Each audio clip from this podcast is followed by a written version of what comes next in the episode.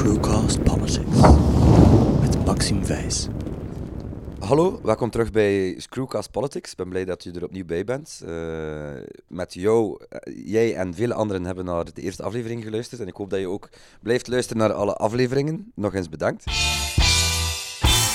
Bij mij in de studio de heer Björn Mallands. Welkom Björn.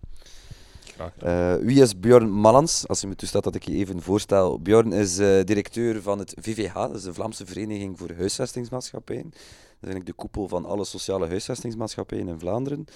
Is daarnaast, zit daarnaast ook in de Vlaamse Woonraad, hè, het, uh, het, orgaan die, die strategisch advies aan, aan de, de Vlaamse regering geeft.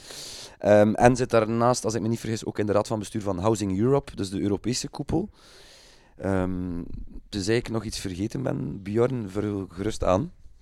Ik denk dat dat de voornaamste engagementen wel zijn uh, en professionele bezigheden. Dus ik denk dat dat het ongeveer allemaal wel omvat. Oké, okay, hartelijk dank voor de komst in ieder geval. Nu, waar ik het met Björn over wil hebben, is over natuurlijk, we hebben, we hebben het over die, die, die woonzekerheid. Hoe kunnen we woonzekerheid bieden aan mensen? Hoe kunnen we zorgen dat wat, wat in onze grondwet en in onze Vlaamse wetgeving staat, uh, hoe we dat kunnen realiseren voor mensen. En sociale woningen zijn daar uh, volgens mij, want dat zullen we meteen uh, beter weten, een, goed, een goede maatregel voor. Ik ben zelf ook voorzitter, niet toevallig, in Kortrijk van Wonenregio Kortrijk. Dat is een sociale huisvestingsmaatschappij met meer dan 2000 woningen. En dat wil zeggen dat wij ook meer dan 2000 gezinnen huisvesten aan een goedkopere huur. Maar Bjorn, um, over sociaal wonen wordt, wordt vaak veel gezegd. He, het is ook uh, vaak technische materie. Je hebt termen als optimale bezetting, huurprijsberekening, doelgroepenplannen, uh, buurt- en opbouwwerk, het binnen sociaal objectief, enzovoort, enzovoort. Nu, concreet, kan jij eens kort toelichten wat is sociaal huren of sociaal wonen precies? In mijn visie is sociaal wonen het oplossen door de overheid uh, van betaalbaarheids- kwaliteitsproblemen, gelijke toegang uh, voor gezinnen die het op de markt hun woonbehoeften niet zelfstandig kunnen invullen. Dus eigenlijk is het per definitie uh, een systeem waar de overheid corrigerend optreedt, omdat bepaalde mensen niet de skills, niet de financiële middelen hebben om eigenlijk op een deftige manier te wonen deftig, bedoel ik kwalitatief, betaalbaar. En ook een eerlijke kans om tot een woning te komen. Want discriminatie is toch ook wel een aspect dat we zeker niet mogen vergeten. En de overheid moet daar oplossingen voor zoeken. Uh, de overheid zoekt daar verschillende oplossingen voor. Is ook verankerd in de Vlaamse wooncode, zeg maar de bijbel van het woonbeleid in Vlaanderen. Staat zelfs in ons grondwet het recht op wonen.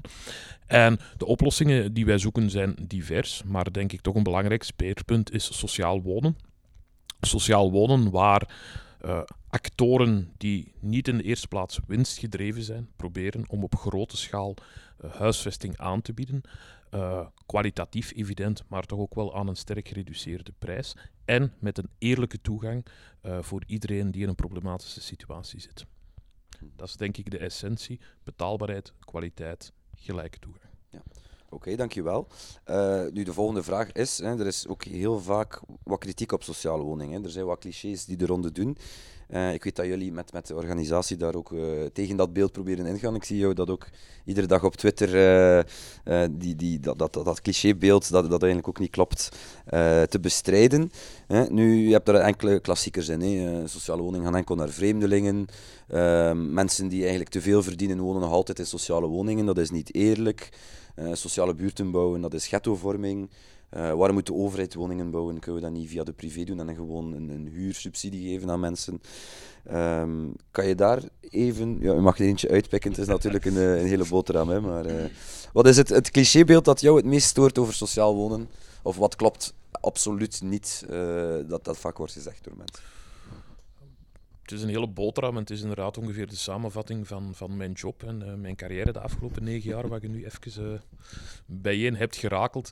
Uh, mij persoonlijk stoort het meeste dat een, een, systeem dat structureel een oplossing biedt aan mensen in armoede, zichzelf heel de tijd moet verantwoorden en heel de tijd moet aantonen uh, waarom het eigenlijk de efficiëntie en de effectiviteit die bewezen zijn, uh, waarom het verdient dat daarin geïnvesteerd wordt. Laten we me even verduidelijken. wij hebben een systeem van hypothecaire aftrek voor de eigen woning, de woonbonus. Mhm. Ik denk wel heel bekend in Vlaanderen. Ik ga hier geen uitspraken doen over de pro's en de contra's. Dat is een ander debat.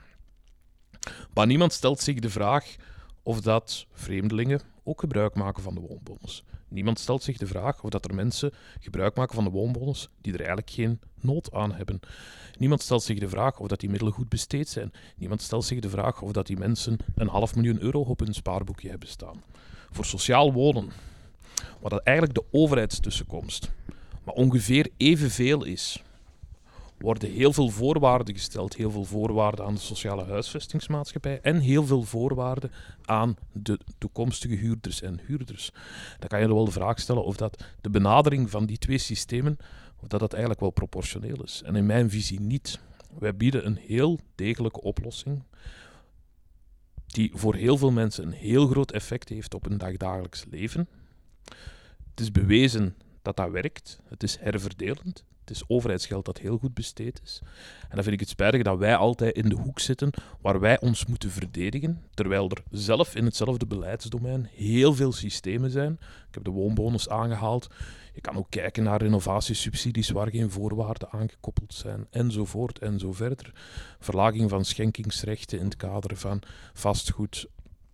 En dan stel ik mij toch heel vaak de vraag van, bekijk dat nu eens allemaal op een neutrale manier. Brengt dat allemaal in kaart, de voor-, de nadelen, de effectieve tussenkomst vanuit de overheid.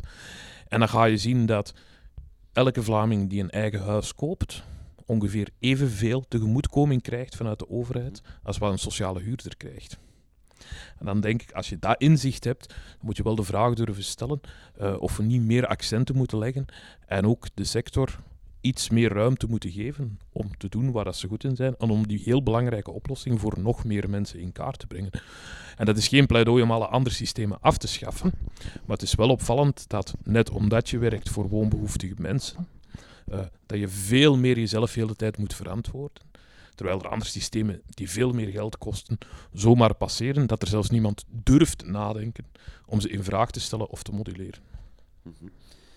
Oké, nu uh, in, mijn vorige job, hè, toen was ik uh, kabinetchef in het OCMW in Kortrijk, uh, merkten we heel vaak, hè, wat zijn de twee grootste problemen voor mensen, of waar, zijn de mensen, waar hebben de mensen het meest moeite mee om, om, om, om, om, om, um, om de weg te vinden, hè, is één, een, een, een job vinden. We horen heel vaak van een job is de beste bescherming tegen armoede. Maar het tweede is net een woning, een betaalbare, kwalitatieve, aangepaste woning, net zoals dat in de wooncode staat beschreven. Dus dat woonrecht niet kunnen realiseren.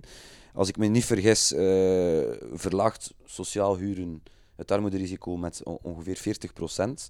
Nu goed, uh, dat is een, een, een groot aandeel. Hè. Het maakt wel... Significant, laten we Significant, inderdaad.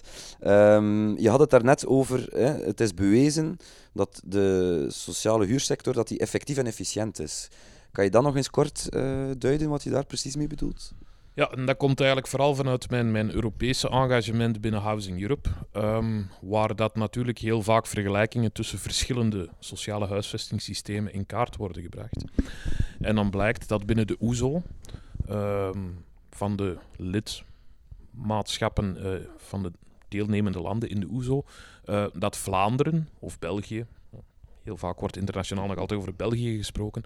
Maar de Vlaanderen uh, na Noorwegen het meest efficiënte sociaal woonbeleid heeft. Wat bedoel ik daarmee?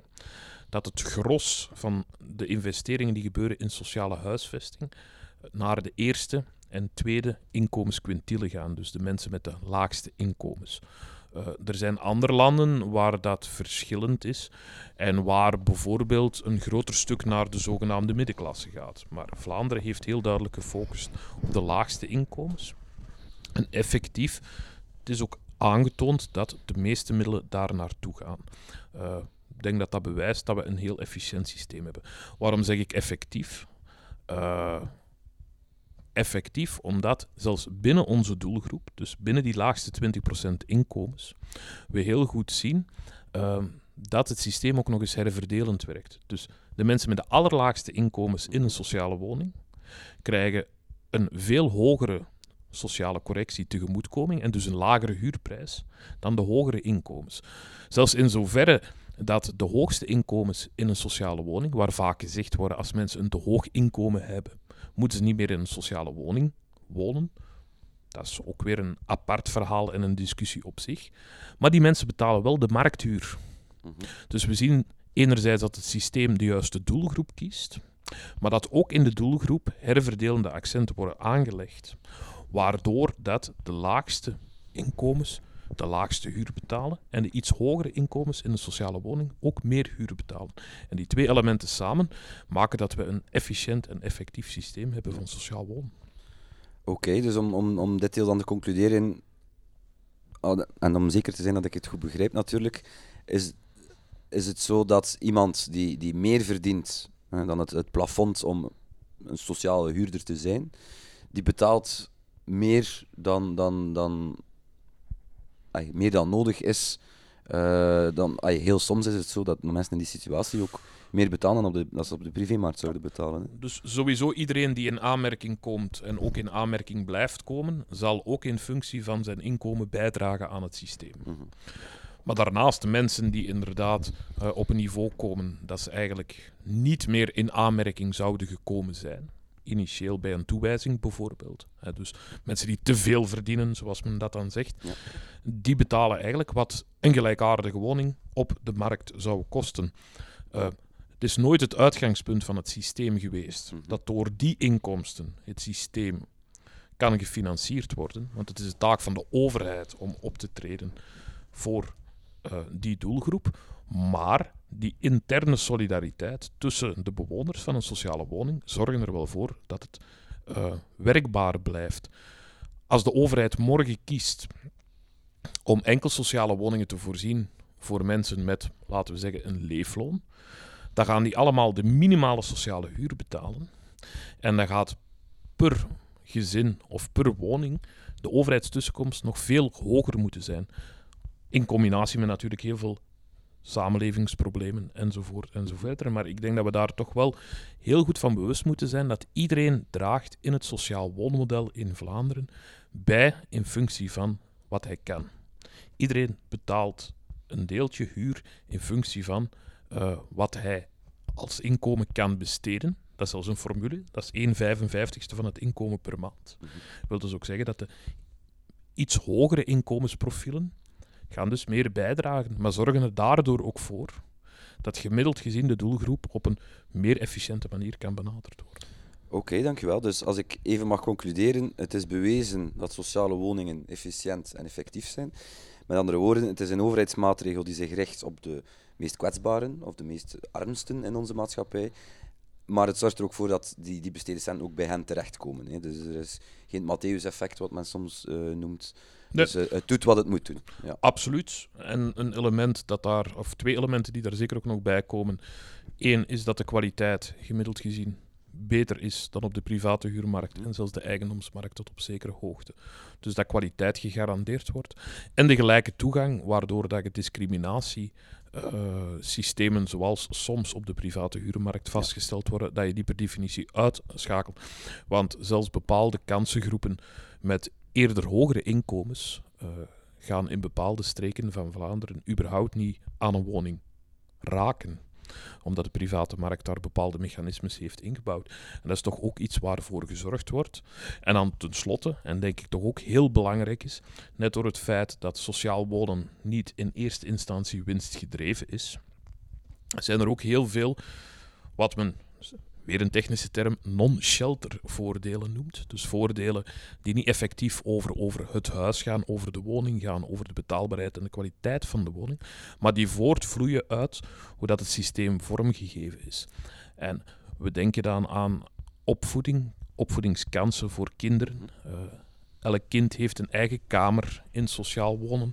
Dat wil zeggen dat elk kind ook een eigen bureau kan installeren in een sociale woning. Dat ze niet met vijf rond eh, de keukentafel in een te klein appartement een huiswerk moeten maken. Gezondheidseffecten, effecten op werk. Heel vaak zijn er ook opleidingsmodellen gekoppeld in sociale woonwijken aan de sociale woonwijk. Eh, heel simpel, naast mijn bureau, midden op het Kiel, Ja. een van de grootste sociale woonwijken in Vlaanderen, is een crash. En in die crash zijn een aantal plaatsen permanent voorzien voor mensen uit de buurt die een VDAB-cursus gaan volgen of die moeten gaan solliciteren. Dus die weten dat ze daar altijd terecht kunnen. Dus die moeten zich geen zorgen maken als ze een aanbieding krijgen voor werk, dat ze geen plaats hebben om hun kind. Die weten dat daar altijd plaats En dat zijn kleine initiatieven die denk ik een wereld van verschil maken. Mhm. En waardoor dat je ook op die schaal kunt werken. Oké, super. Dus eh, ja, als ik het even mag concluderen, ja, sociaal wonen heeft zijn nut en werkt. Dus eh, het is zeker een goede zaak. Absoluut. Dus moeten we er ook op inzetten. Nu, de vraag is van, hè, als het sociaal huren, sociaal wonen werkt, ja, waarom is er dan nog een wooncrisis? Nu, dat komt omdat er te weinig sociale woningen zijn op vandaag. Eh, we zien dat onder andere aan, aan de wachtlijsten, die verdubbeld zijn sinds de bankencrisis van 2008, die nota bene toch nog eventjes vermelden, toch eh, 20 miljard euro gekost hebben aan de belastingbetaler. Uh, dus we zitten eigenlijk met het probleem dat het aanbod, het aantal sociale woningen, de vraag, de mensen die nood hebben aan sociale woningen, dat dat niet, niet volgt. Hè. Met, met als gevolg daarvan dat de, de, de private huurmarkt, en zeker de, de, de, de onderkant, zoals men zegt, de, go- de goedkoopste woningen, dat er daar veel te veel mensen ook uh, in, concurrentie gaan voor een woning, uh, met alle gevolgen van dien. Dus als een verhuurder de, de kandidaathuurders uh, voor het uitkiezen heeft, dan, dan ja, is hij weinig gemotiveerd om die woning echt in orde te zetten. Want, want anything goes. Hè. Wie, wie een woning weigert, dan staan er tien anderen te springen om het meteen te huren. Daarnaast zien we ook hè, dat de woningprijzen uh, veel sneller stijgen dan de inkomens. Uh, dat is een trend die zich al, al, al enkele tientallen jaren inzet. Um, en tenslotte, uh, het, het, het, het voorbije woonbeleid heeft daar ook weinig aan geholpen. In die zin uh, omdat we zien dat de facturen en de kosten voor de mensen ook wat, wat opgelopen zijn, waardoor dat de kost van wonen ook een groter deel uitmaakt van, van het uh, gezinsbudget. Uh, maar ook de huurwaarborg op de privémarkt is verhuurd, hè, van, van twee maanden naar drie maanden. Wat dat betekent dat je toch een heel grote som in het begin moet, moet kunnen leggen. Um, de, dus de logica gebiedt mij om dan te denken van er zijn te weinig sociale woningen. Nu, Bjorn, ik ben even over het muurtje gaan kijken um, in, in het buitenland en daar zien we toch als we de percentages vergelijken, denk ik dat Vlaanderen heeft 6 of 7 procent ongeveer uh, aandeel sociale huurwoningen. Kijken we naar Nederland, spreken we van 34 procent of 30 procent. Het is wat afgebouwd.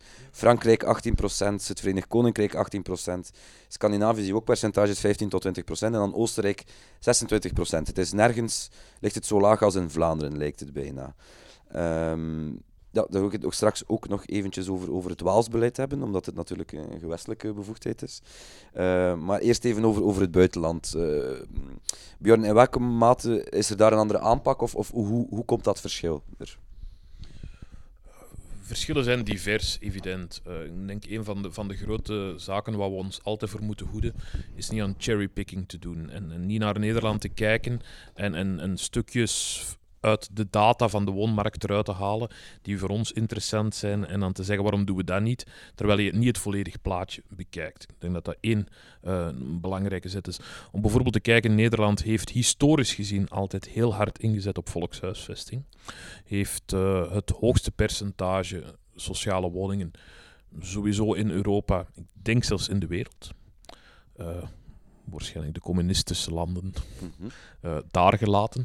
Um, en dat is altijd een heel bewuste keuze geweest.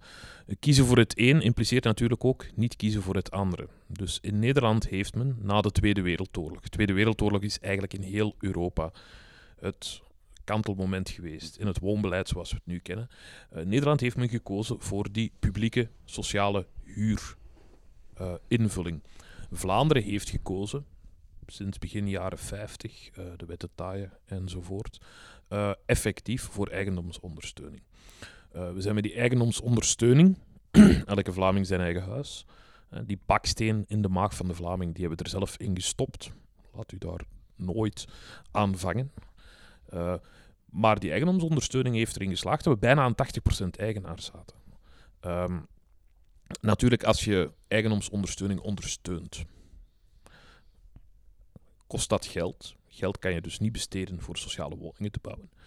Uh, maar heeft dat ook ruimtelijke implicaties. Mm-hmm. De verrommeling van Vlaanderen is voor een heel groot stuk het gevolg van uh, de eigendomsondersteuning, van de verkavelingsdrift.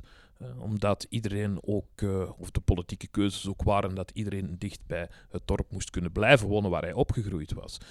Uh, heeft gezorgd voor heel weinig mobiliteit. Mhm. In Duitsland, Duitsland is vooral een huurmarkt. In Duitsland verhuist men van München naar Berlijn als men een ander job vindt. Uh, München en Berlijn liggen nu wel heel ver uit elkaar. Maar ik denk dat er dan nog Vlamingen zouden zijn die zeggen van ik pak de auto dat wel elke dag Ja. over en weer. Uh, als wij op studiereis waren in Berlijn en wij spraken over pendelaars. Dan keken die naar ons van wet.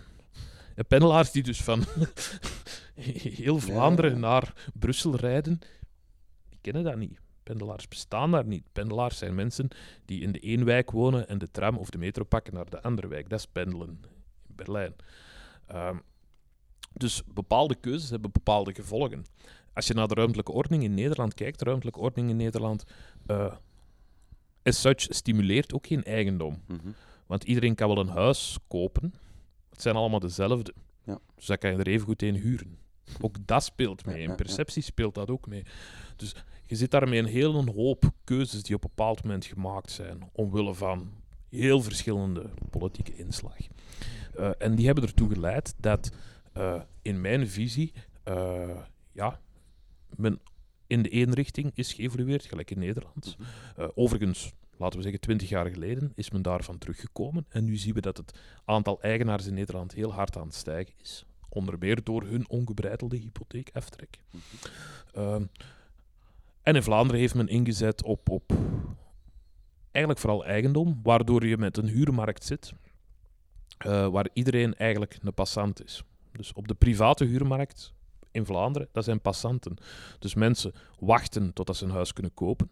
Iedereen heeft ooit gehuurd, veronderstel ik. Alvast, ik heb ooit gehuurd. En iedereen die ik ken heeft ooit wel eens gehuurd. Uh, maar ik zie mijzelf niet als een huurder. Ja. Um, en de groep die het moeilijk heeft, die zit te wachten op een sociale woning. Waardoor dat je private huurmarkt ook heel zwak is. Uh, en de druk natuurlijk op de sociale huurmarkt nog veel groter wordt. En ik denk dat daar voor een heel groot stuk bepaalde keuzes, en, en ja, er zitten zonder twijfel ideologieën achter die keuzes, er zitten sociologische theorieën achter die keuzes. Maar in fine maakt iemand op een bepaald moment een beslissing die heel lang heel veel gevolgen heeft. Nog één element dat ik denk dat ook wel belangrijk is in Vlaanderen, uh, is het feit dat Vlaanderen zo verspreid is qua bewoning. Mm -hmm. uh, als we naar, naar die landen kijken, uh, of onze buurlanden kijken, uh, dan kijken we bijvoorbeeld naar Frankrijk, waar Parijs een heel significant stuk van Frankrijk uitmaakt. En waardoor de heel grote densiteit uh, de huurmarkt per definitie veel groter is. In een grote stad is de huurmarkt altijd veel groter dan in de omringende dorpen. Uh, de grootste stad in Vlaanderen maakt geen deel uit van Vlaanderen. Terwijl als we naar de grootste stad in Vlaanderen kijken, namelijk Brussel, dan zien we dat daar eigenlijk wel bijna de helft uh, van de woningen op de huurmarkt zit. In de, hoe noemt men dat daar? He, dus binnen de kleine uh, ring in Brussel, ook, dacht ik zelfs dat dat een kwart of misschien zelfs nog meer Ja. publiek verhuurd wordt. En dat is dan misschien een laatste punt. Dat je nog even, als je naar, naar Europese vergelijkingen kijkt. Um, Housing Europe, waar we het al even over gehad hebben, noemt zichzelf de koepel van publieke, coöperatieve en Ja. sociale huisvesting. En wat je in veel landen ziet, is dat publieke huisvesting uh, niet vergelijkbaar is met ons systeem, omdat uh, dat is de overheid die woningen verhuurt, maar aan marktconforme prijzen. Ja. Uh, en dan kan er misschien een toelage zijn voor de huurders. Maar uiteindelijk is het een economisch model. Wenen, Dus dat is eigenlijk dat de overheid eigenlijk de concurrentie met de privé aangaat dan in, in dat geval. dat is de grote vraag, is dat concurrentie? Gaat de overheid de concurrentie met de privé aan door met geconventioneerde en niet geconventioneerde specialisten te werken? Mhm. Is dat concurrentie? Ik denk dat dat een manier is om ervoor te zorgen dat gezondheidszorg betaalbaar blijft. We, we leven niet in een vrije markt. We leven in een markt die gecorrigeerd wordt door de overheid. En op sommige plaatsen gaat de overheid daar verder in dan ander. Mhm. Maar de overheid gaat toch ook niet de concurrentie aan met wegenaanleggers door zelf autostrades uit te bouwen. Dus waarom zou publieke huisvesting per definitie concurrentie zijn met private huisvesting? Als je merkt dat de markt eh, niet functioneert in een bepaald segment, dan mag je daar optreden. En hoe ver dat je daarin gaat, dat is ideologie. Ja. Maar dat je optreedt op de markt, ik denk dat elke partij in Vlaanderen eh, dat op een of andere manier wel ondersteunt. En dan is alleen maar de vraag van eh, of dat je het een als concurrentie ziet of niet. Maar ik denk dat er heel veel gelijkaardige zaken zijn waar we het ook doen. Oké, dankjewel Björn. Nu, nu ik denk, ja, ik denk dat je er niet van verschiet. Natuurlijk dat, dat een overheidsingrepen, dat ik dat, eh, dat wel zeker geen slechte zaak vind natuurlijk. Ehm, goed, hè, we hadden er daarnet zijn we even ingegaan op het probleem. Hè, dus de hoge wachtlijsten, de, de onzichtbare wooncrisis, daarover meer in een andere aflevering. eh. dat is ook de titel van het boek van Joy Verstichelen. Eh, maar voor ik verder ga met de name dropping, hebben we ook ingegaan op wat is sociaal wonen. Dus nu gaan we natuurlijk, het is natuurlijk een politieke podcast, en ik ben niet voor niets kandidaat, dus hebben wij ook wel wat voorstellen om, om die wooncrisis te, proberen op te lossen en te zorgen voor meer woonzekerheid voor iedereen. Ehm, nu, het eerste kunnen we kort overgaan, eh, dat hebben we al een paar keer vermeld, we, dus meer bouwen. Dus we willen de wachtlijst wegwerken door 100.000 nieuwe sociale woningen te bouwen. Eh, over tien jaar is dat berekend natuurlijk. Dus de vraag is heel vaak van, is dat haalbaar? Nu, ik weet in de jaren 70 dat er tot 7000 per jaar konden gebouwd worden. Ehm, dus we hebben dat uitgerekend dat we, eh, dat, dat ietsje sneller kan. Ehm, maar het financieringsmodel, dan eh, moeten we daar toch kijken om, om nog enkele procedures wat te kunnen verkorten. Ehm, we Ik zouden denk, ook... denk dat bouwen in de jaren 70 ook iets minder complex was. Ja, precies, precies, precies. Maar bon, mocht ons altijd doelstellingen opleggen en we gaan altijd ons best doen om ze te halen. Precies, precies. De ambities zijn groot. Hè. Eh, nu, de andere financiering voor SHM's die lagere huurinkomsten hebben, die vind ik wel interessant, omdat die natuurlijk... ehm, ik ben voorzitter van, van, van die, die woonmaatschappij, heb ik al vermeld. Nu, dat is een woonmaatschappij die gefusioneerd is uit, drie anderen.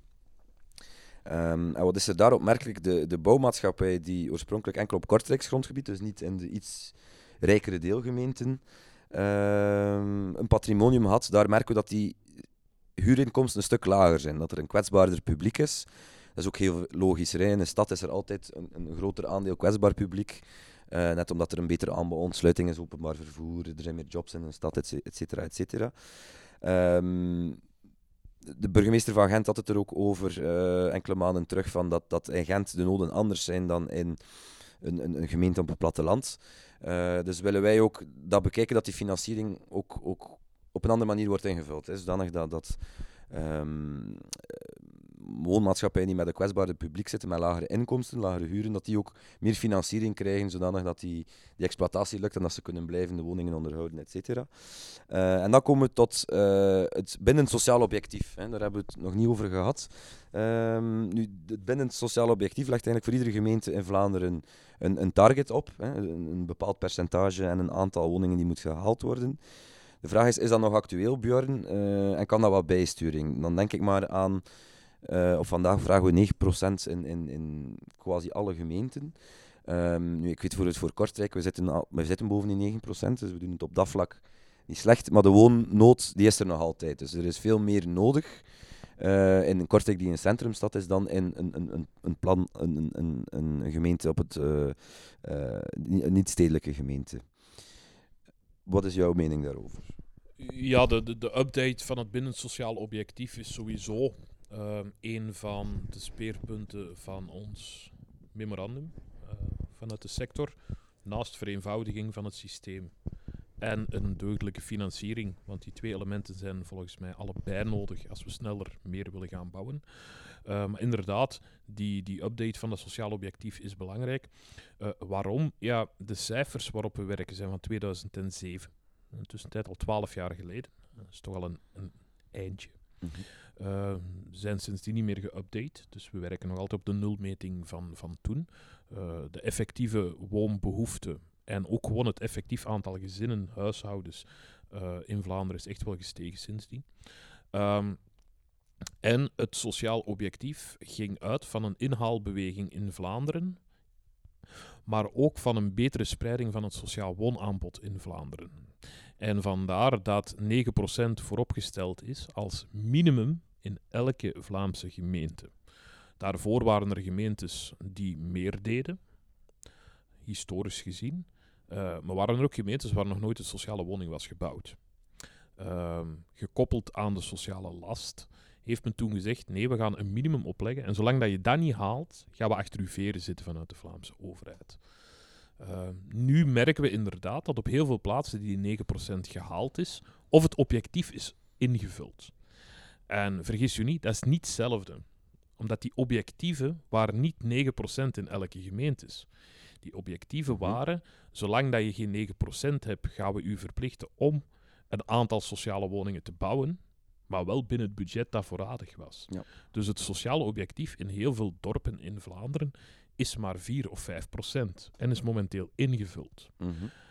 Die doen niks meer. De grote steden, centrumsteden, die historisch gezien meer sociale woningen hadden, die zeggen van we doen meer dan wat Vlaanderen oplegt, dus we doen ook niks meer of we gebruiken dat als excuus om niks meer te hoeven doen, want we halen de norm die Vlaanderen voorop stelt. Terwijl de 9% sociaal woonaanbod is nooit de norm geweest. Is het minimum geweest dat gebruikt werd om te zeggen van je moet toch echt wel beter je best doen. Dus vandaar denk ik dat effectief dat sociaal objectief moet geüpdate worden, dat die benadering ook anders moet. En dat daar toch een zekere eh, differentiatie mogelijk is tussen de verschillende steden en gemeenten in Vlaanderen. Ehm, om een minimum op te leggen voor iedereen, dat lijkt mij logisch dat je hetzelfde getal gebruikt. Maar iedere keer dat je zegt van oké, wij hebben nu een grote sprong voorwaarts gemaakt, wat ook gebeurd is. We hebben effectief wel 20.000 woningen bijgebouwd. Nu moeten we gaan kijken waar zit de nood en waar kunnen we gemeentes en steden helpen eh, om de woonbehoefte die effectief aanwezig is op te lossen. En dan kan ik mij voorstellen dat een stad als Kortrijk eh, andere noden heeft dan een gemeente als Ruisleden, waar ik zelf toevallig woon. Eh, en dat je dus echt wel moet gaan kijken naar differentiatie. En niet enkel differentiatie in de aantallen, maar dat je dat ook gaat linken aan andere noden. Je hebt zelf ook over typologie van alleenstaande gezinnen gehad, grote gezinnen. Eh, maar ik denk bijvoorbeeld ook aan zorgnoden. Zorgnoden van hoe groot is de vergrijzing in een bepaalde stad of een bepaald dorp? Eh, hoe groot is de nood eh, voor mensen met andere beperkingen, met andere welzijnsnoden, zowel psychisch als fysisch. En dat allemaal in een concreet vertaald groeipad op lokaal niveau te gaan gieten. En dat ook te monitoren. Maar ik denk dat we nu op een punt zijn gekomen dat we eh, inderdaad dat moeten updaten en, en daar differentiatie mogelijk maken. Ik ben nog altijd een 9% als uitgangspunt en als minimum. Dus waar willen we naartoe op vandaag? Als je vier jaar op de wachtlijst staat en je zit onder de inkomensvoorwaarden, kan je een huurpremie krijgen. Dat is eigenlijk ja, een, een maandelijkse som geld die, die, die je kan helpen om de privéhuur te betalen. Omdat dat is eigenlijk, ja, ik beschouw dat als een, schuldbekentenis van, van de Vlaamse overheid die zegt van, ja kijk, we zijn niet in staat om voldoende sociale woningen te voorzien. dus in tussentijd eh, moet je het daarmee doen, totdat een woning kan toegewezen worden. Nu, wat ik altijd vreemd heb gevonden, is dat je dat pas na vier jaar op de wachtlijst staan krijgt. In principe heb je van in, van in, bij inschrijving recht op een sociale woning. Ehm, en ik heb die ook, de partij heeft dat idee willen overnemen, dat we eigenlijk vanaf dag één, vanaf de inschrijving eh, in een sociale eh, huurmaatschappij, dus met de aanvraag is gedaan om een woning te krijgen, dat je vanaf dan die huursubsidie kan krijgen. Wat denk je daarvan? Ik denk dat de finaliteit van de koppeling aan eh, een sociaal woonmodel belangrijk is. Waarmee ik wil zeggen van huursubsidie of huurpremie of noem het zoals je wilt, zou je in mijn visie inderdaad moeten koppelen eh, aan een traject naar een sociale woning. En ik laat dan nog in het midden of dat dan een sociale woning van een huisvestingsmaatschappij of een sociaal verhuurkantoor is. Ehm, waarom vind ik dat belangrijk? Omdat je anders kan evolueren naar een systeem eh waar dat je sociale huisvestingsmaatschappijen of sociale verhuurkantoren ook overbodig gaat maken. Als je mensen toch eh, een tegemoetkoming krijgen eh, om op de private huurmarkt eh, hun woonprobleem op te lossen, kan je ook kort door de bocht stellen van moet je daar dan tussenstructuren hebben die zelf woningen gaan bouwen en kan de markt dat niet beter en efficiënter? Eh, dat is wat ik daar straks gezegd heb. Dan zien we wel, als je dat op grote schaal loslaat, dat je dan heel harde prijsopdrijvende effecten hebt, dat je flankerend beleid nodig hebt, dat je uiteindelijk controlemechanismes nodig hebt, enzovoort enzoverder. Uh, dus of dat dan nu na vier jaar is, of na vijf jaar zoals het vroeger was, Ja. of onmiddellijk, daar heb ik geen probleem mee. Dat zijn beleidskeuzes.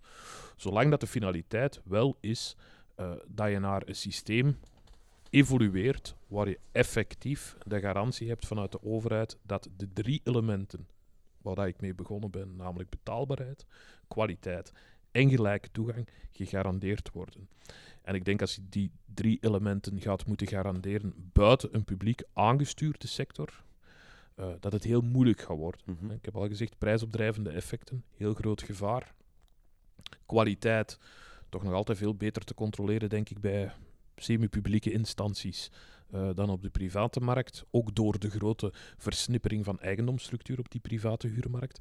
Maar vooral ten derde, uh, gelijke toegang. Uh, discriminatie komt voor. Ik heb het al een paar keer aangekaart. En dan denk ik dat we heel voorzichtig moeten zijn. Vooral omdat je een risico loopt uh, met de huurpremie, huursubsidie, huurondersteuning op de private markt. Om die te gemakkelijk toe te kennen, dan loop je het risico dat de private huurmarkt de betere profielen uit de doelgroep voor een sociale woning gaat afro. Mhm. En daar wel hun woningen aan wilt verhuren, want zoals je zelf gezegd hebt, ze hebben toch keuze te over aan kandidaat-huurders. En dat degenen die aangewezen zijn op sociale huisvesting op het einde van de rit, dat dat nog zwakkere profielen zijn. En als dat nog zwakkere profielen zijn, gaan die nog meer geclusterd worden, waardoor dat sociale huisvesting nog minder aantrekkelijk wordt. Waardoor dat je nog meer residualisering, noemt men dat, Mhm. met een geleerd woord. De Vlaming zou dat ghetto's noemen. Ja. Dat is eigenlijk hetzelfde. Eh, hetzelfde principe. Dus daar zit echt wel een inherent risico in. Dus ja, je moet als je als overheid niet voldoende sociale woningen kunt voorzien om de woonbehoefte op te lossen, moet je andere uh, aanvullende systemen op poten zetten. Maar het moet altijd met als finaliteit zijn uh, dat dergelijke mensen ook effectief kunnen doorstromen Ja. naar een woonoplossing die je zelf aanbiedt, met alle garanties die het systeem in zich heeft. Want ook de woonzekerheid blijkt in een sociale woning veel, veel, veel groter te zijn dan op de private huurmarkt. Mhm. Dat blijkt bijvoorbeeld ook uit uh, voorbeelden uit andere landen waar men huursubsidies op grote schaal loslaat, is dat de woonzekerheid van de zwakste groep, zelfs al krijgen ze huursubsidies, afneemt. Waarom? Omdat de eigenaar toch weet dat er kandidaten genoeg zijn. Ja. Dus iemand die zelfs met een huursubsidie is één of twee keer niet betaalt, die wordt veel sneller op straat gezet. En dat weet je als voorzitter van een sociale huisvestingsmaatschappij mm -hmm. heel goed. Dat tegen het moment dat wij effectief mensen uit huis gaan zetten, ja, dan, dat de situatie dan echt wel niet meer oplosbaar is. Ja, dan is het echt de, de want last resort. hè. De vrederechter ja. zou er ook nooit mee instemmen als we ons best niet gedaan hebben. En het is ook ons verdomde plicht om ons best te doen. Ja.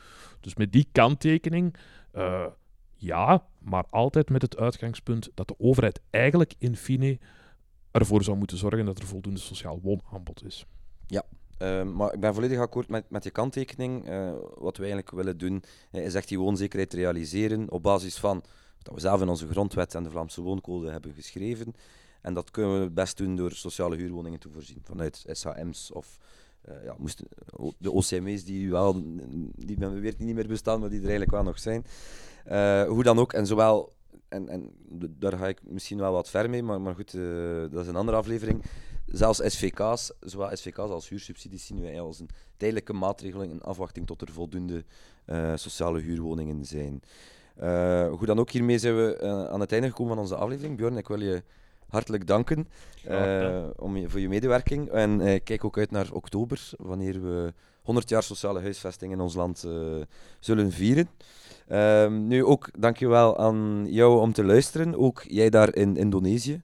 Uh, we, ik waardeer je heel hard dat je helemaal uit uh, de andere kant van de wereld naar deze podcast luistert. Uh, ik hoop dat, jullie, dat je er ook iets aan gehad hebt. Uh, heb je nog vragen of wil je meer info?